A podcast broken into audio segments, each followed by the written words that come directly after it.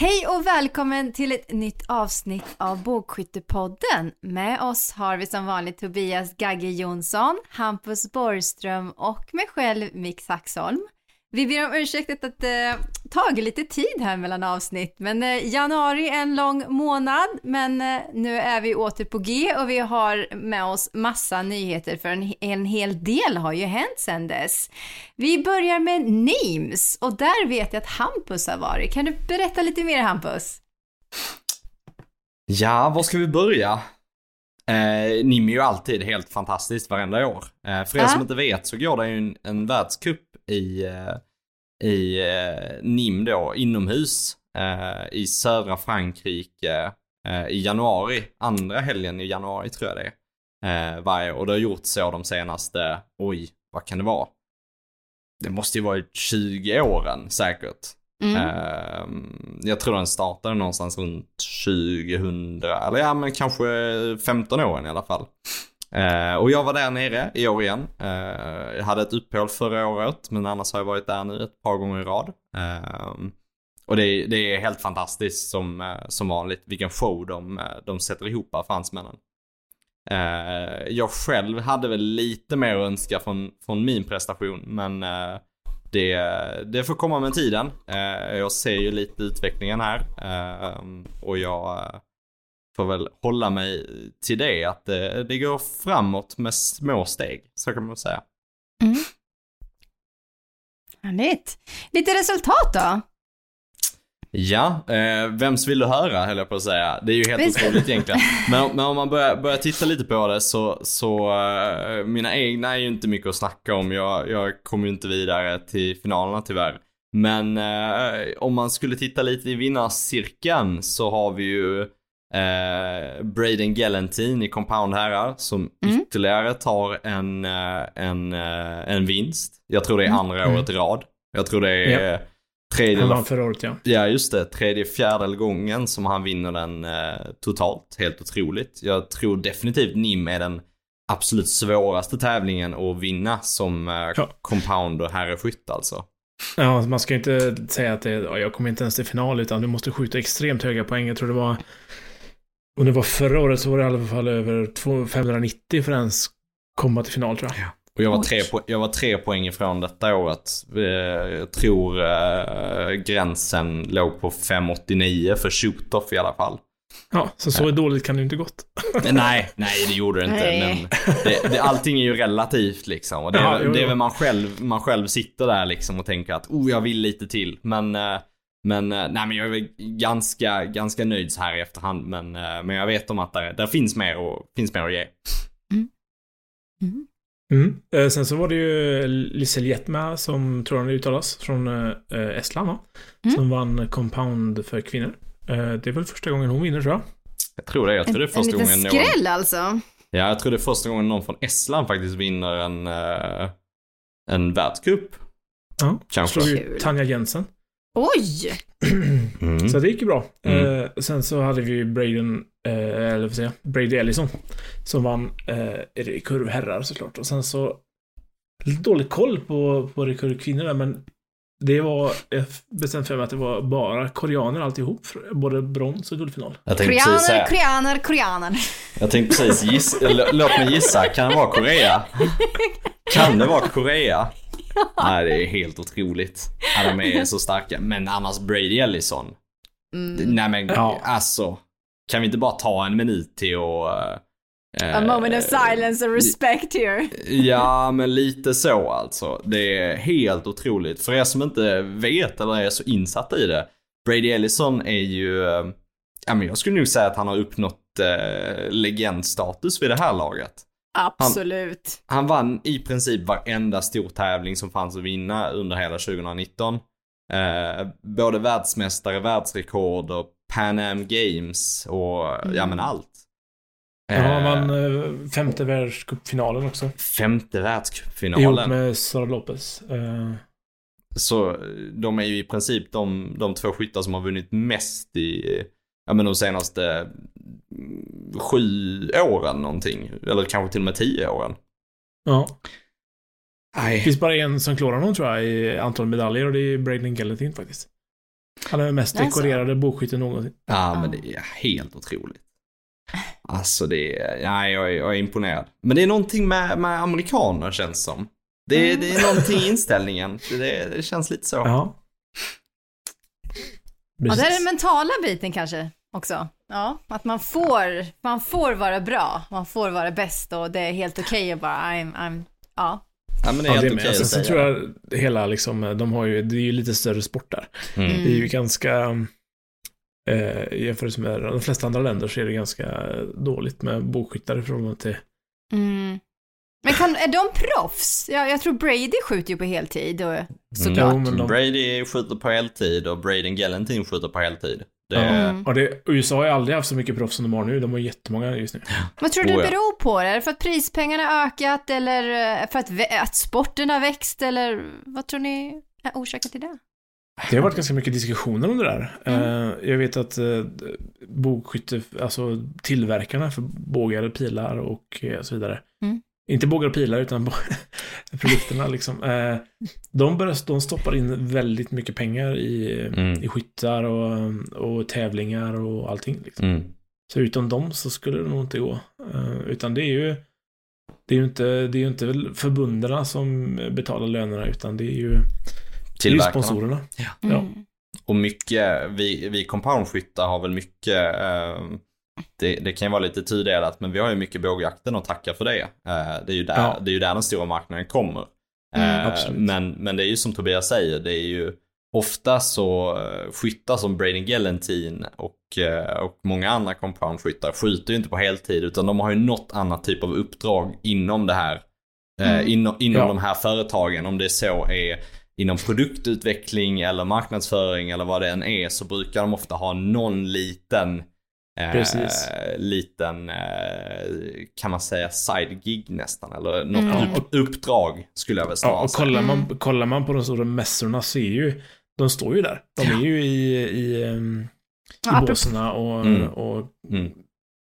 promotar sina produkter. Liksom. Mm. Men bara Apropå- kolla, eller Mm. vad skulle du säga Mix? Nej, förlåt, jag tror, jag tror lyssnar. bä- bägge du, både du och jag är på väg åt samma håll här, så fortsätt. Okej. jag, jag, när du sa mässa, jag bara, apropå mässan, den här stora ATA, ATA Trade Show har ju varit här nu i... Just det. Yes, den går i varje januari va? Någonstans Eh. i det stora Amerikat. Ja, nu var det i Indianapolis tror jag. Ah, okej. Ja, jag har varit där, du har också varit där Gaga. Jag har varit där, jag tror Mm. det var tre gånger. Jag var där första gången eh, 2012 när jag lanserade min eh, bågskyttekalender. Och då Ja. fick jag ombord eh, Victory Archery.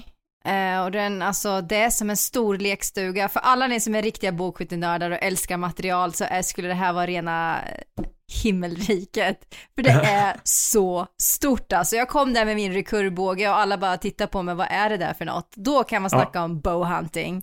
Ja, det Ja. ska ju tilläggas. Det är en jaktmässa i stort sett. Ja. Eh, en bågjaktsmässa. Mm. Eh, men eh, alla, alla båttillverkarna är ju där som gör tavelbågar också. Så att, Mm. Ehm, men, Även om de är väldigt små måste jag tillägga. Winnie Win hade en liten recurboot, men alltså de var ju minimalt jämfört med Bowtech och Matthews och alla de här stora bowhunting eh, jaktföretagen. Och, och Mm. de verkligen jagar allting där borta. Från krokodil till, alltså allt som rör sig. Tänk, men det, ja. De fiskar, de fiskar ju med bågen nu för tiden. Jag menar, det finns ju ingenting det som, gör de, de ja. inte, som de inte jagar liksom.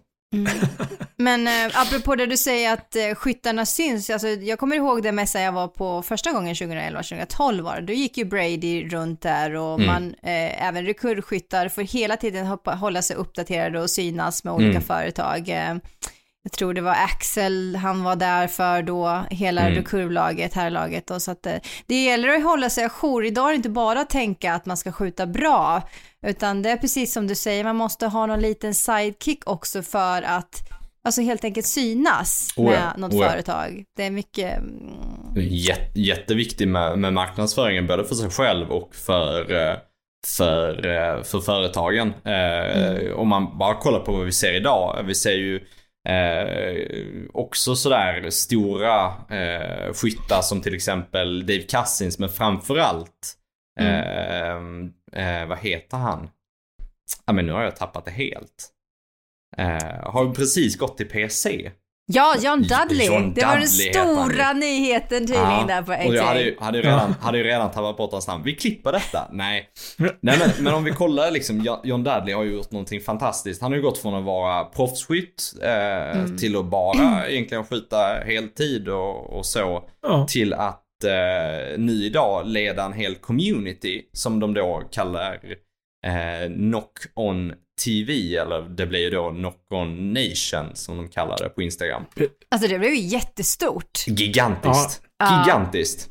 Ja, han, jag tror inte, jag kommer inte hur många följare han har, men det är riktigt många. Kan jag Och det- på för sakens skull. Det är ju alltifrån eh, den, den minsta lilla bågjägaren som råkat hitta honom på, på Instagram till eh, så stora profiler som Joe Rogan och eh, ja men Dana White och lite sådant. Eh, för er som inte vet, det är ju att Dana White är ju väldigt kopplad till, eh, till UFCn, alltså de här MMA-producenterna. Eh, och Joe Rogan har en podcast som jag tror är den största, största podcasten, eller intervjupodcasten i alla fall, eh, just nu. Som heter Joe Rogan Experience. Och alla, alla dessa människorna är, är kopplade till, till John Dudley på något sätt. Och det gör ju att Jo- John Dudley har ett enormt stort marknadsvärde för, för företagen. Eh, så att eh, jag tycker om man ska ta någon som ett exempel så är han ju eh, ett otroligt bra eh, sådant. Eh, för hur man skulle kunna, kunna lägga upp sin, ja men sitt nätverk egentligen. Mm. Ja, verkligen. Ja, han har verkligen lyckats. Han har ju extremt mycket följare och eh, han har väl kanske inte de som har flest tittare på sina, sina, sitt- sina avsnitt liksom. Ja, det är fascinerande hur, hur sporten har utvecklats. Alltså verkligen det här med, jag, jag tyckte jag låg lite i framkant. Det är min tid liksom det här med att man måste verkligen eh, tänka på marknadsföring för att ta sig fram, speciellt eh, internationellt och man ska ha sponsorer. Jag kan tänka mig idag när konkurrenten, konkurrensen är ännu hårdare, att det, man får liksom ta sig fram och vara mer kreativ och hur man ska stå ut från andra skyttar, inte bara genom resultat men marknadsföringsmässigt. Så att det är en liten en ny utmaning för skyttar idag. Det är mycket att tänka på, inte bara skyttet. Det får jag nog säga och som, som, eh, som aktiv skytt och, och kommer ifrån en, en juniortid och, och siktar mot en, en, eh, en framgångsrik seniortid också. Så som tips till de yngre det är ju även att, att på något sätt hitta, hitta vägar för att nå igenom bruset. Det är ju så otroligt mycket mer idag eh, än vad det någonsin har varit. Så det handlar om att vara kreativ. Och, och, och visa lite framfötter även. Och, och lite det amerikanska tror jag går igenom. Att våga sticka fram, sticka, sticka ut hakan när, när det behövs. Absolut. Ta fram det bästa du har i dig själv och inte vara rädd för att visa sina styrkor. Det är Verkligen. tips. En, en annan som har gjort det extremt bra, egentligen till och med om man ska se hur antal eh, tittare om man säger så, så är det ju faktiskt eh, Chris B. Han har ju, han är ju Fantastiskt. egentligen, eh, tittarmässigt så är han ju ännu större. Oh ja. Mm. Chris B är ju otrolig. Så att han, han har ju gjort världens resa. Han är ju ganska ung också. Han har ju inte Mm. hållit på så länge. Och kan han vara 20... Du känner honom ju lite personligen. Chris B och jag är faktiskt födda samma år på samma dag. Oj. Jag ska säga... Så här lite rolig kuriosa. Ja, ja lite rolig kuriosa. Då vet du hur gammal han är också Jag vet, han är 23, 23 år blir han detta året. Eh, lite, lite sött faktiskt, det är rätt sjukt. Men, men, men jag är jätteimponerad av Chris B. Vi, vi håller lite kontakten ibland och eh, jag har varit med på hans podcast någon gång. Eh, supertrevlig, jätte, jätteödmjuk, men även där. Han är smart Mm. på att lyfta sina styrkor och även, även eh, porträttera bågskytte på ett Ja men nästan lite coolt, eh, ibland lite, eh, lite sexigt sätt liksom. Inte att han är sexig men att man vill ju hålla på med bågskytte. Såklart, det är en sexig sport. I Ja, can agree oh ja. with that. John Dudley, John Dudley och Knock on TV som det heter. Det, det är ju mer en... eh, Det skulle jag säga är mer en, eh, en eh, utbildningskanal skulle jag säga. Det Ja. är väldigt mycket hur du bygger bågar och hur du... Eller hur du eh, trimmar bågar och hur du skjuter och hur du... Mm. Ehm, hur du tränar och så vidare. Um, Medan Chris B kanske är lite mer, vad ska man säga, Eh, man följer honom lite mer, Mm, vad han gör, vad han jagar och vad han, eh, hur han tränar och sådär. mm. Det blir ju lite med det här influencer, uh, influencer-tänket och Instagram-följandet som vi har idag. Det är ett väldigt, Mm. väldigt Ja. eh, bra sätt, väldigt lätt sätt att följa, följa någon och, och konsumera, ja men konsumera underhållning egentligen. Absolut, Precis. och sen promota sporten. Så att, eh, men eh, kanon, vi har gått från ATA-mässan, John Dudley bytte båge till personal branding och nu tycker jag vi går över till Lancaster, för det är också en stor grej som har hänt. ja. Detta tror jag Gagge kan bäst. Detta är helt... Ja, men, exakt. Men Varsågod, varsågod Gagge. Ja, vi, vi ger det till Gagge. Nej men, nej, men jag tror det är, det är mycket roligt som har hänt där.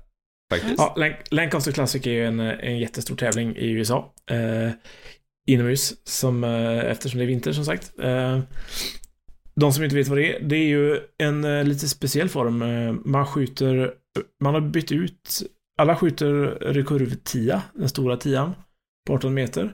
Men man har bytt ut den lilla tian till en 11 istället. Så då för compounder i kurvskyttar så är maxpoäng plötsligt 660 på en kvalificeringsrunda. Och inte 600. Eh, och ehm, och så får man skjuta med de stora skaften. Som, mm. är, som är precis som i resten av USA. Man får skjuta med lite tjocka skaft.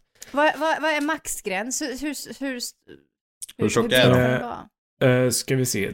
I millimeter vet jag inte. De är 10, någonting. Mm -hmm. uh, World Archer är det max 9,3 millimeter eller 23 64 delar av en tum. Mm -hmm. Uh, och i USA så får man köra med 27 64 delar av en tum. Oj, vilka skaft! Ja, de är jättetjocka. Det är som små telefonstolpar man skjuter. men... Eh, men i vilket fall.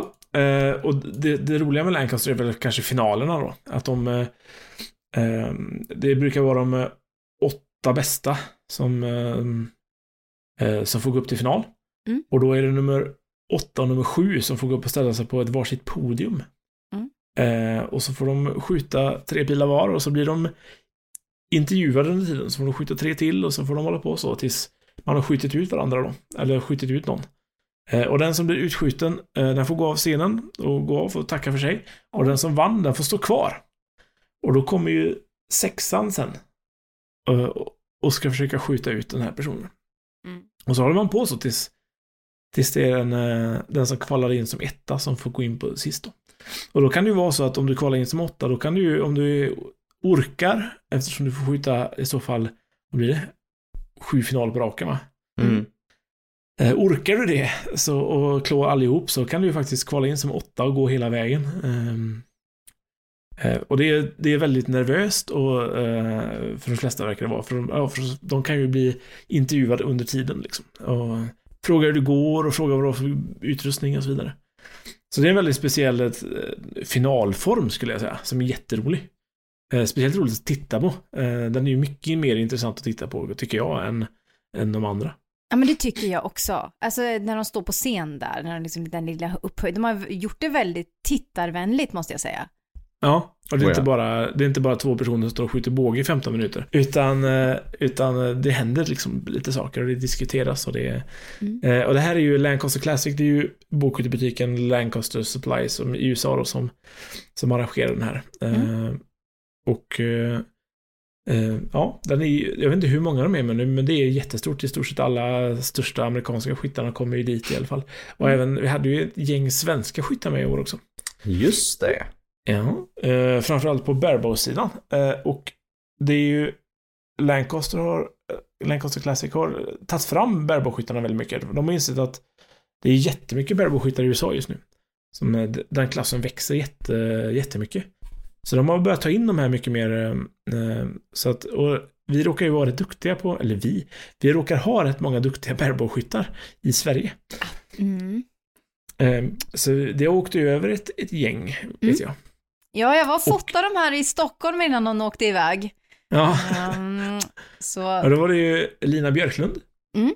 Hon vann ju faktiskt sin klass. Ja, det... Wow. Eh, hon kvalade in som etta, så hon, hon ju, behövde ju bara skjuta en match och den matchen sköt hon med bravur och tog hem den.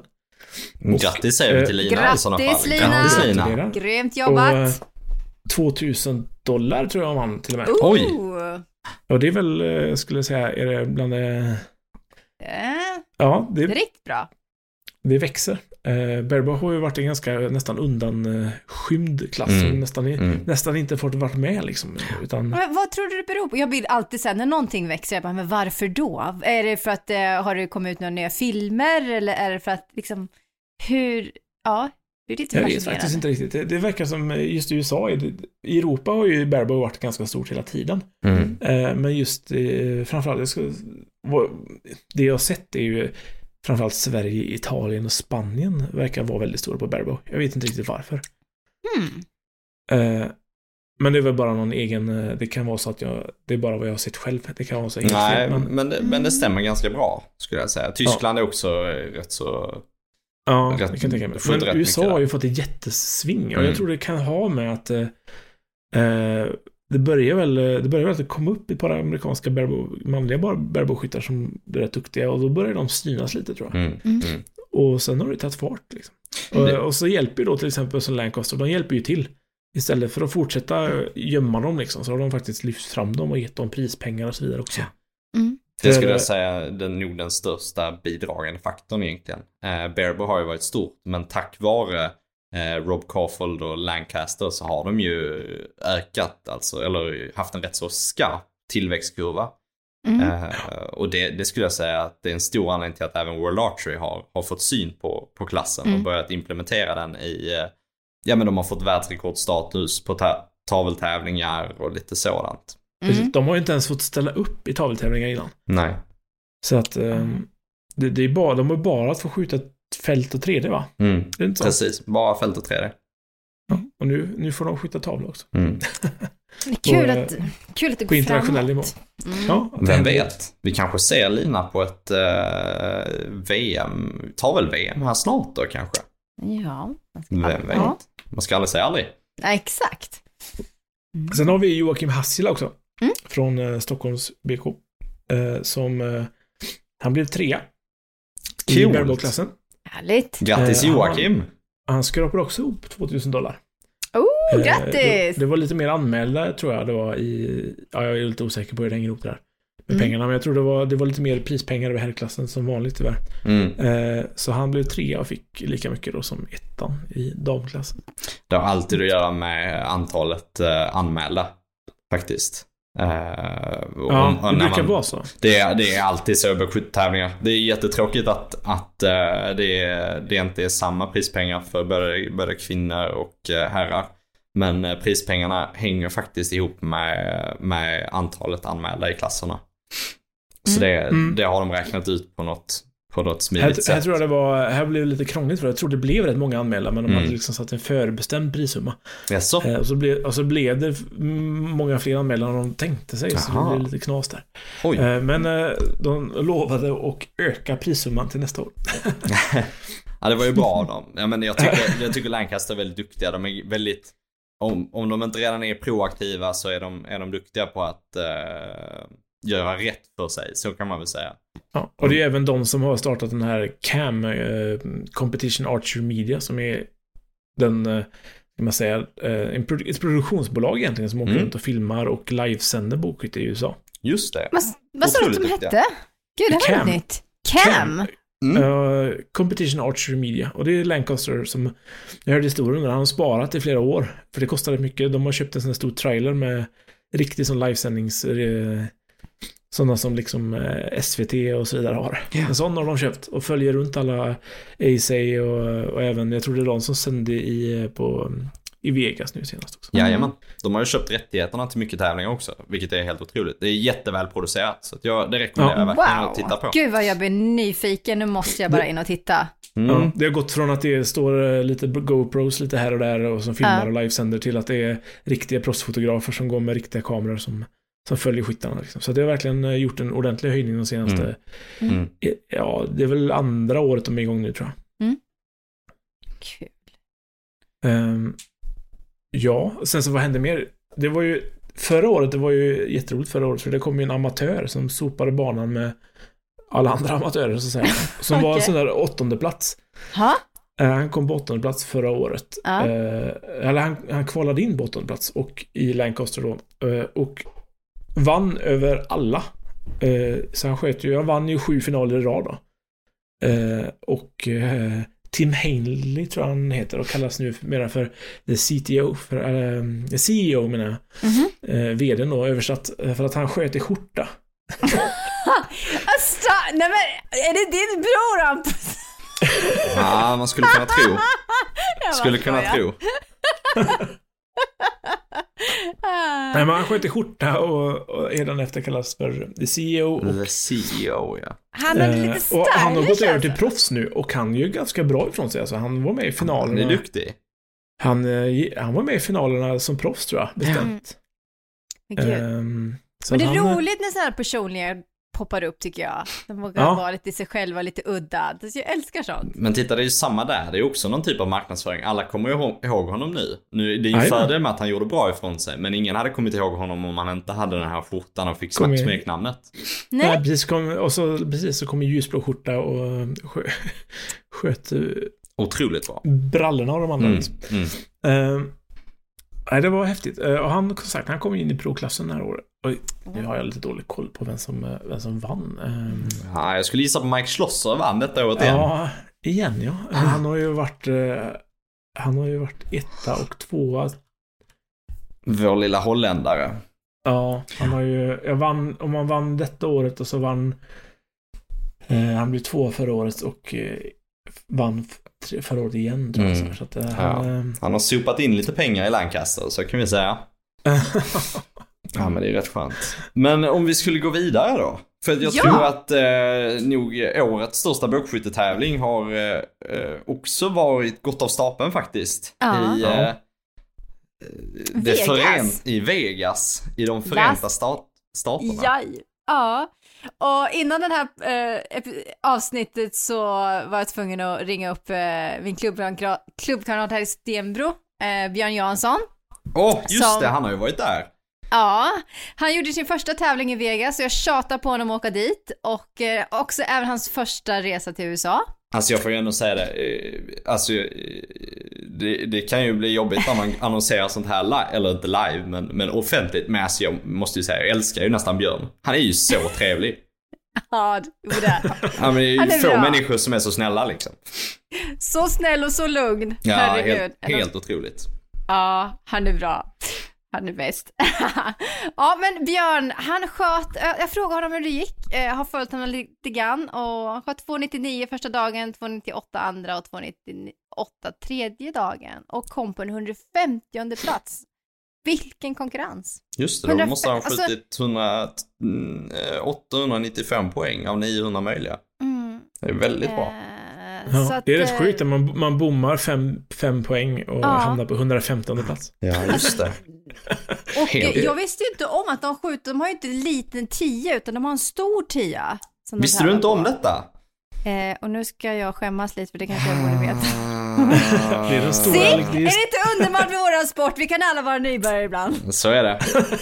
Jag är nybörjare varje dag. Mm. Nej men det är helt riktigt. Vi skjuter på den stora tian i Vegas och det är därför det som gör det så fruktansvärt roligt att åka dit. Uh. För man tror att det ska vara så enkelt. Mm. Ja. Men det är det aldrig. Som sagt, det är det här att du får inte missa istället. Mm.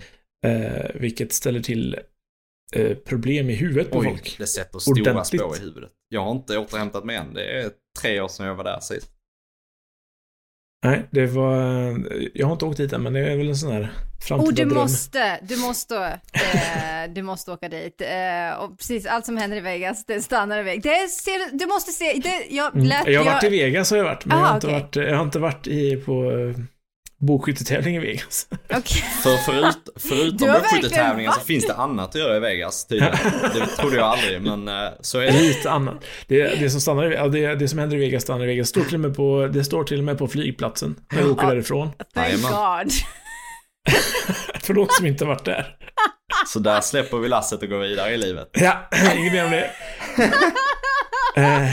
ja, jag har roliga minnen därifrån. Och jag sa till Björn, jag fick Björn att se, om ni har sett den, om ni inte har sett den, så se den, filmen Hangover. Den är jätterolig.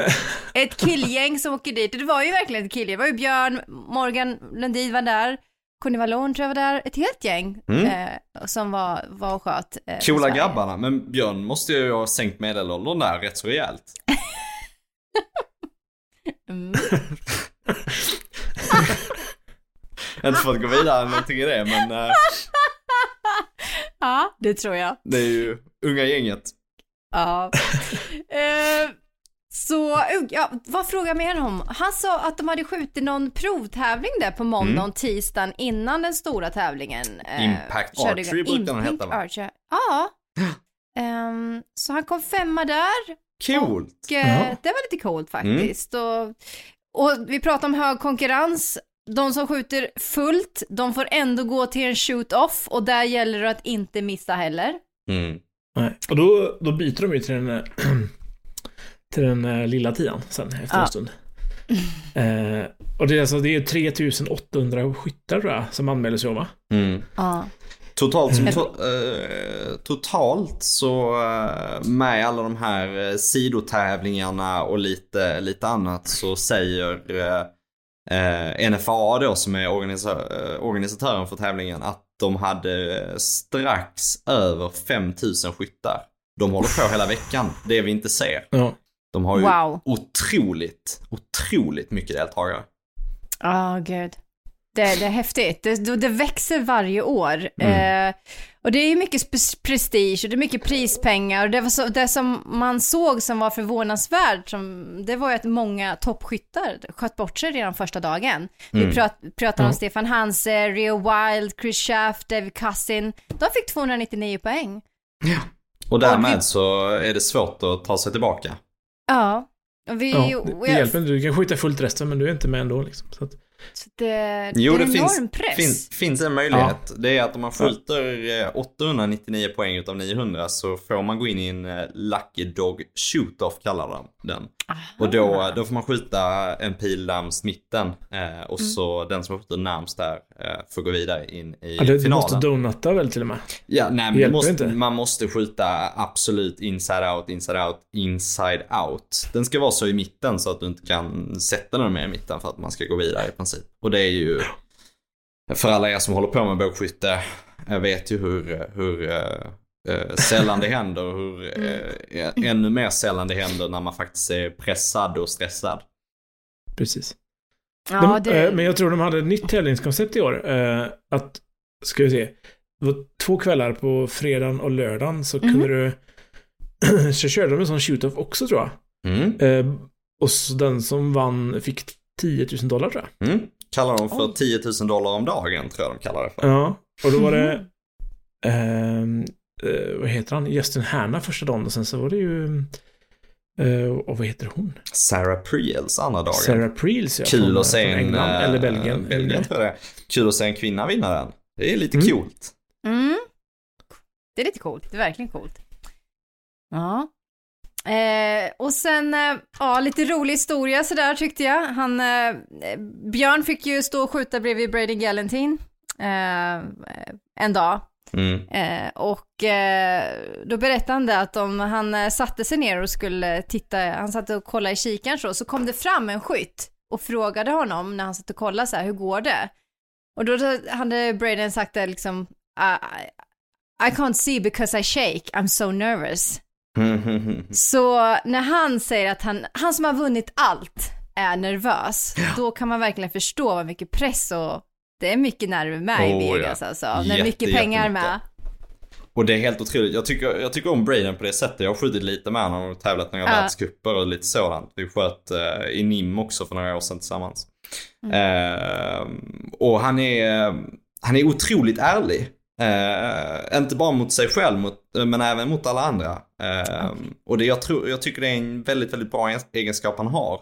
Av att han, uh, han, han, han blir nervös men han är inte, han är inte, alla, alla blir ju nervösa såklart. Men han är inte den som, som döljer att han blir det. Utan han kommer vara, vara ärlig med att säga att jo men det, det kommer skaka och det, det ska det göra också i sådana situationer. Mm. Mm. Så han är supercool på det sättet. Men det är coolt att kunna säga det men ändå gå ut liksom och acceptera att det är så. Och ändå kunna leverera så bra som man gör. Helt oh, otroligt. Ja. Oh, ja. Det var även, även andra gången som en um, kvinna sköt 900. Det var Page Pierce den här gången. Förra gången oh, var väl var det Tanja Jensen förra året. Ah, alltså, vill ni höra lite rolig kuriosa om det? det? Jag har en sån här insider story där faktiskt. Do it, shoot! Ah, jag, jag, vet, jag vet inte om hon, eh, i och för sig hon kan ju inte svenska hoppas jag så att hon kan Nej, inte... Nej, därför är det bara att köra. Och jag tror inte det är någon som kommer, kommer kunna fact-checka mig på denna så att ni får ju bara ta mig för orden. Men varje okay. år när jag åker till NIM så, så brukar jag alltid åka med några amerikanska vänner. Eh, ett, ett gäng från, från Atlanta som jag, som jag känner väldigt bra. Uh, och, och, en av dem driver ett företag som idag heter Ultraview Archery. Mm. Gör mycket ja, men småprylar och så till, mm. till bågskytte. Uh, däribland lite avtryckare till releaser för att man ska kunna få en lite annan känsla lite bättre grepp med, med, med tummen på avtryckaren på releasen. Mm. Uh, så sitter vi där på lördagskvällen innan finalerna. Mm. Och Page Pierce då ska in i bronsfinalen i damer compound. När hon skickar ett sms då till, eh, till en av mina bekanta. Där hon eh, i princip har eh, någon typ av panik och behöver någonting för att eh, ja, men ändra känslan på releasen. För hon har tampats med sån otrolig guldskräck då senaste tiden. Oh, vad jobbigt! Otroligt jobbigt. Men, men även där ser man liksom att eh, även de bästa bästa eh, har uh. de här problemen och ofta behöver de ha någon liten grej bara för att bara för att ändra känslan tillräckligt mycket så man kan gå ytterligare en tävling liksom.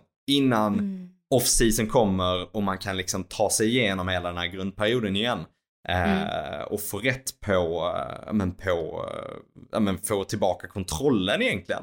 Mm. Eh, det kan nog stämma, för jag, för jag hörde nämligen eh, eh, någon intervju med henne att hon hade bytt ifrån, hon har ju skjutit eh, pekfinger eller handledsreleaser väldigt länge. Precis. Mm, mm. Eh, hon har precis bytt till en... Eh, tumrelease? Eh, till en tumrelease, ja. Yeah. som hon har haft skjutit väldigt bra med, men också haft ganska mycket problem med. Så det kan nog stämma utmärkt det där. Mm. Enligt mig så stämmer det ju, men eh, ni får ja. se om ni får lita på källan. Jo, det liksom. ligger ju något i det. Ja. Även, även Levi Morgan hade ju extrema problem. Eh, som Levi Morgan som är världens, ska man kalla det, världens bästa tredjeskytt. Eventuellt. Ja, världens bästa bågskytt nästan. Ja, näst, nästan till. en av dem i alla fall. Han hade ju några veckor innan eh, Vegas eh, trimmat om bågen och det funkade helt magiskt. Han har aldrig skjutit så bra i hela sitt liv. Så kommer han till Vegas, och ljuset stämmer inte och han kan inte se tavlan längre. Eller Oj. sitt mål. Mm. Och plötsligt funkar ingenting. Och det är mm. som sagt, det är som det är som... Det är som en liten grej. Så, ja, så, så skönt att andra också har sådana mm. problem. Mm. Att även absoluta proffsen eh, dyker på sånt ibland som... Så man känner sig eh, så här, för det här borde man ju kunna, tycker man. Mm. Man åker på någon tävling och så plötsligt så stämmer ingenting. Eh, men det är skönt att höra att även proffsen har de problemen ibland. Någon, någon som inte har de problemen däremot, det måste ju vara Brady Ellison, fanskottet. Åh oh, herregud. Ja men vi snackade om honom innan, men kan vi inte bara ta en minut igen liksom till att bara hylla denna, denna ikon? Alltså, alltså. Han är ja. den första bågskytten som någonsin skjuter 900 utav 900 poäng i recurve-klassen i Vegas. Ja, och dessutom sköt han med 23-skaft, tror jag bestämt. Nej, 25-skaft mm. var det, så det kommer ja, det var inte, inte, det är lite större än världsrekordsreglerna. Ja, annars är det nog inte, kan inte vara så långt ifrån ändå. Nej, nej, nej, nej, nej det är inte Vi så pratar mycket. om en halv millimeter. Eller ja, det är, det är ingenting nästan. Alltså, eh, det var helt galet. Nej, men det är, det är helt otroligt. Och det är så roligt att se, alla som inte har sett det borde gå in på YouTube och se videorna. Bara uh, sök på Brady Ellison och 900 så kommer ni se. Mm. Ja, det är så roligt att se han, hur, hur glad han blir över detta och, och hur... Uh, nej men hur det släpper när han skjuter sista serien där. Jag tycker det är så coolt. Man verkligen ser egentligen hur, hur, hur pressen har byggts upp över, över den här helgen som, mm. som han har skjutit och sen släpper det där efter. Eh, när han ser att sista pilen sitter. Nej, supercoolt. Ja, all, alla följde det. Jag vet, inte hur många, jag vet inte hur många filmer det finns på när han skjuter de sista pilarna. Mm. Det är verkligen hur många som helst som står bakom honom och filmar. Mm. Ah, men jag, ja. men jag varnar för, eh, för svordomar dock. Det ska jag säga. Ja. Är det så? Ja. Jag måste in och kolla sen. De har ju blippat ut det rätt så fint. De där, eller censurerat ut det, så heter det nu. Ja. Sen så var det ju lite, återigen, eh, det är nästan samma diskussion varenda Vegas i finalerna. Mm. Att eh, det, här, det tar ju ännu längre tid nu för att jag tror det var rekord på antal som sköt 900 va? Mm. Det har aldrig varit så många, jag tror de var 20... 23, va? 23 ja. Eller 22 plus Lucky Dog då. Precis, så var 22 tj- stycken 900 och en Lucky Dog. 23 stycken i shoot-offen. Ja. Jag tror det är rekordet. Och, och när de räknar, eller när de skjuter, de skjuter tre pilar och sen så kommer domarna och ska kolla varje tapet. Och det är två domare på varje tapet som Mm. ska titta. Mm. Eh, och det tar otroligt lång tid. Jag tror en serie tog eh, 10 minuter att eh, räkna pilarna. Ja. 10 minuter. Tio, Ja. oj! Eh, så de skjuter tre pilar, sen får de vänta tio minuter.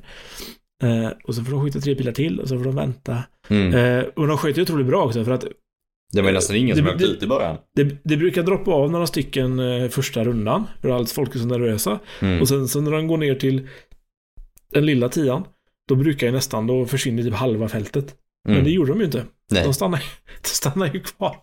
det är helt otroligt. Eh, eh, och det bara höll på i evigheter. Och sen så... Eh, eh, sen så blev det ju tråkigare då att när ska vi se, när det var fyra personer kvar så skjuter tre stycken 29 poäng och en och Kyle Douglas skjuter 30 poäng. Så han vinner. Och vem är eh, Kyle Douglas nu då? Han är ganska, jag har för mig det är en relativt ung kille så att han har inte synts så mycket än. Han har Nej. varit ganska aktiv i år tror jag. På, i, tre- jag tror han eh, vann rätt mycket i 3D i år i USA. Häftigt. Mm. Eh, Men han är ganska ny sådär. Han är inte, det är ingen, det är ingen av de här gamla legenderna så att säga. Som, eh, Okänd kan vi säga i alla det, är fall. inte, det, är Okänd inte, det är inte som uh, Chance Buff som har varit med i Vegas-finalen. Var det någon som sa om det var 13 eller 17 gånger? Herregud. Eh, så, Herregud. Eh, så det var, ja, det var jag tror hans första gång, eller första eller andra. Eh, och så vinner han. Men, i och med att de andra sköt 29, så behöver de skjuta om. Eh, eller då be- behöver de fortsätta skjuta för att bestämma vem som blir tvåa, trea, fyra. Mm. Vilket gör att han får 30 sekunder i, mm, i rampljuset, att han har vunnit. Eh, Vegas, världens största bågskyttetävling, vinner han. Och får 30 sekunder sen behöver han gå av. Alltså jag tyckte det var, jag satt och kollade på det. Eh, inte Ja. under livestreamen men eh, dagen efter för att livestreamen var mitt i natten. Och, eh, Mm. Då brukar jag faktiskt sova. Men jag kollade på det dagen efter. Eh, och jag tyckte det var, det går faktiskt sticka ut hakan här också och säga att det var lite förkastligt. Han har vunnit världens största bågskyttetävling. Han har vunnit 54 000 dollar. Eh, plus lite sponsorpengar och lite sådant. Så vi kan säga Mm. strax under miljonen eh, som han har vunnit i, eh, i tävlingspengar. Och han får 30 sekunder. Om, om, om ens det. Om ens det. Jag ser Bruce Cull som är eh, president eller eh, ordförande för, för eh, organisationen som, som håller i tävlingen. Och, Mm. och man ser hur han säger till, till Kyle Douglas där att nu får du dra ut dina pilar och, och, och ta ner din tavla så ska vi skjuta, skjuta av, eller skjuta för andra till fjärdeplatsen där. Ja, och de skjuter ju fortfarande rätt bra, så de, de höll ju på ett tag liksom. Ja, oh ja, oh ja. Så att det var inte så att det bara var någon, någon minut och sen så kom den tillbaka, utan det höll ju på ett tag. Mm. Så att eh, hans firande liksom nästan försvann. Eh, och det är ju det är ju lite taskigt, Verkligen. kan jag säga. Eh, det är bara en sak som var taskig, det var ju för, förra året va, när det var en dopingskandal. Va? Och, Har jag missat Oj, har du inte hört Jag detta? Miss... Nej, jag har missat. Gud, Detta är roligare. Nej, roligare är det inte. Nej, det är inte roligt. Detta är men det, riktigt, det, var riktigt mer, det var absolut betydligt Alkoholförgiftning, mer skandal. Nej, detta är en riktig han skandal. hade, Det är hemskt faktiskt. eh, han hade THC i blodet plus eh, betablockerare. Eh, och eh, allt som sänker pulsen i stort sett i all skyttesport är ju, det, mm, är ju dopingklassat. Mm. Så att eh, han var ju, han var ju ansågs som dopad och eh, men det, det här kom ju först sen efter så det var ju Christopher Perkins som eh, egentligen vann då. Mm. Men han fick ju inte sina, varken sina pengar eller sin... Han fick ju aldrig gå upp på pallen, för han var en lucky dog, så han fick ju inte mm. ens stå på andra plats utan han, han åkte ut. Så här, det kan vi tillägga då att eh, kommer du in som lucky dog och skjutit 899, kommer du in som lucky dog, så kan du antingen vinna ja. eller hamna sist. Mm. Ja. Du kan inte bli tvåa, trea och så vidare. Okay. Så han hamnade ju sist plötsligt. Mm. Men, men eh, och det här uppdagades ju först kanske i eh, november, alltså nästan eh, drygt mm. halvår men, efter. Ja. Men hur kom de på det liksom? Det, Nej, de gjorde, de gjorde, de tog provet direkt. Aha. Men det tar rätt lång tid innan de kan innan fastställa. De, ja, ja mm. de, innan de kan fastställa, utreda och så vidare. Mm. det verkligen var. Men det var både THC från Mariana då och, och beta-blockerare. Mm. Och det, det finns ju jag vet att det är några som har testat eh, och skjuta bågskytte, eller skjuta och tävla på betablockerare. Det var nog, eller tävla vet jag inte om de har gjort, men testa och skjuta i alla fall. Mm. Eh, och de säger att det är eh, det är som att man blir bäst i världen. Mm. man blir cool, cool lugn liksom. Det kan man nästan titta på den här finalen som mellan eh, Bobby Eiler som han heter som, blev dop, som var dopad och eh, Christopher Perkins. Att eh, de är i en jättestressad situation. Um, för då, då skjuter de om uh, andra och tredje plats tror jag det mm. Och så får de stå och vänta vid, sidan av. Uh, och de står och är liksom, uh, man ser hur stressad, stressad situationen är och Christopher ja. Perkins står nästan så här, nästan så hoppar liksom. Ja. Medan Bobby Eiler står och nästan halvsover. Helt otroligt. Ja, så, det. så det är väl först, det är väl egentligen första riktigt stora dopingskandalen vi har i bokskyttevärlden tror jag. Vad jag mm. känner till i alla fall. Första och förhoppningsvis den enda också. Ja, det har inte varit det... så mycket i våran sport jämfört med andra faktiskt. Det Nej, inte... faktiskt inte. Och det är ju rätt så skönt, får vi ändå säga, till, till, på något sätt. Att det, det, det hände den här gången och jag hoppas väl inte att det händer igen. Nej, det är väl oundvikligt, men någon gång, någon gång, någon gång sker det, väl igen. Liksom. Absolut. Ja, men, absolut. men eh, då, nu är man ju uppenbarligen eh, uppenbarligen kan man ju bli haffad för det. Så att, mm. eh, för de som vinner Vegas och de alla, jag vet inte, jag, jag har inte vunnit någon stor tävling direkt, så att jag har aldrig behövt lägga, avlägga ett, ett prov. Eh, men det sker direkt efter tävlingen om jag förstår rätt.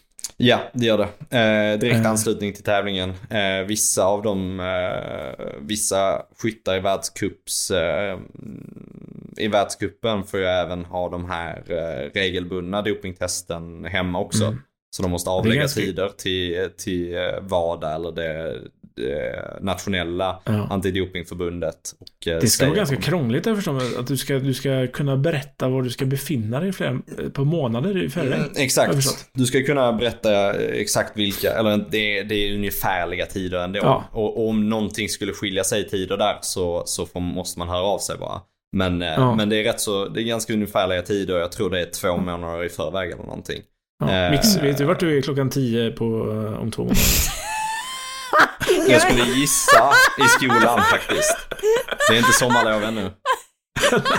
nej, exakt. Eh, ja, nej, nej, så. Men jag har faktiskt en väninna som skulle kunna svara. Hon vet exakt vad hon gör om två, två år och ja, så här, verkligen så här varje dag planerat. Men, men själv, nej. Ja, men det är som du säger Ampus, jag kanske, jag kanske är i skolan och så sitter jag och pluggar. Nej, nej, nej, det är, det är ungefär annandag påsk då, ungefär vid den tiden om jag räknar rätt. Så att jag, jag tror, okay. nej, vi, du har inte ledigt för påsken, det var inget du sitter och pluggar. Nej, nej, då troligtvis någon tenta ungefär i den tiden.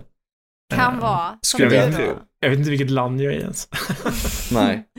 Men apropå, nu har vi gått igenom lite tävlingar och jag tänker så här, nu har vi varit borta. Ni som har koll på material, är det någonting nytt som har kommit ut? Ja, rätt så mycket. Alltså det som händer just nu på marknaden, vi ser ett mm. stor, en stor uppsving av stabilisatorer igen. Många okay. som utvecklar nya stabilisatorer. Det brukar komma okay. lite i vågor eh, under mm. åren. Eh, jag brukar tycka det är rätt så kul att hålla koll på det. Eh, mm. Av dessvärre olika anledningar. En anledning är för att jag är intresserad och andra anledningen är för att jag är lite kopplad till Bågar och Pilar där som är och sponsrar den här podcasten.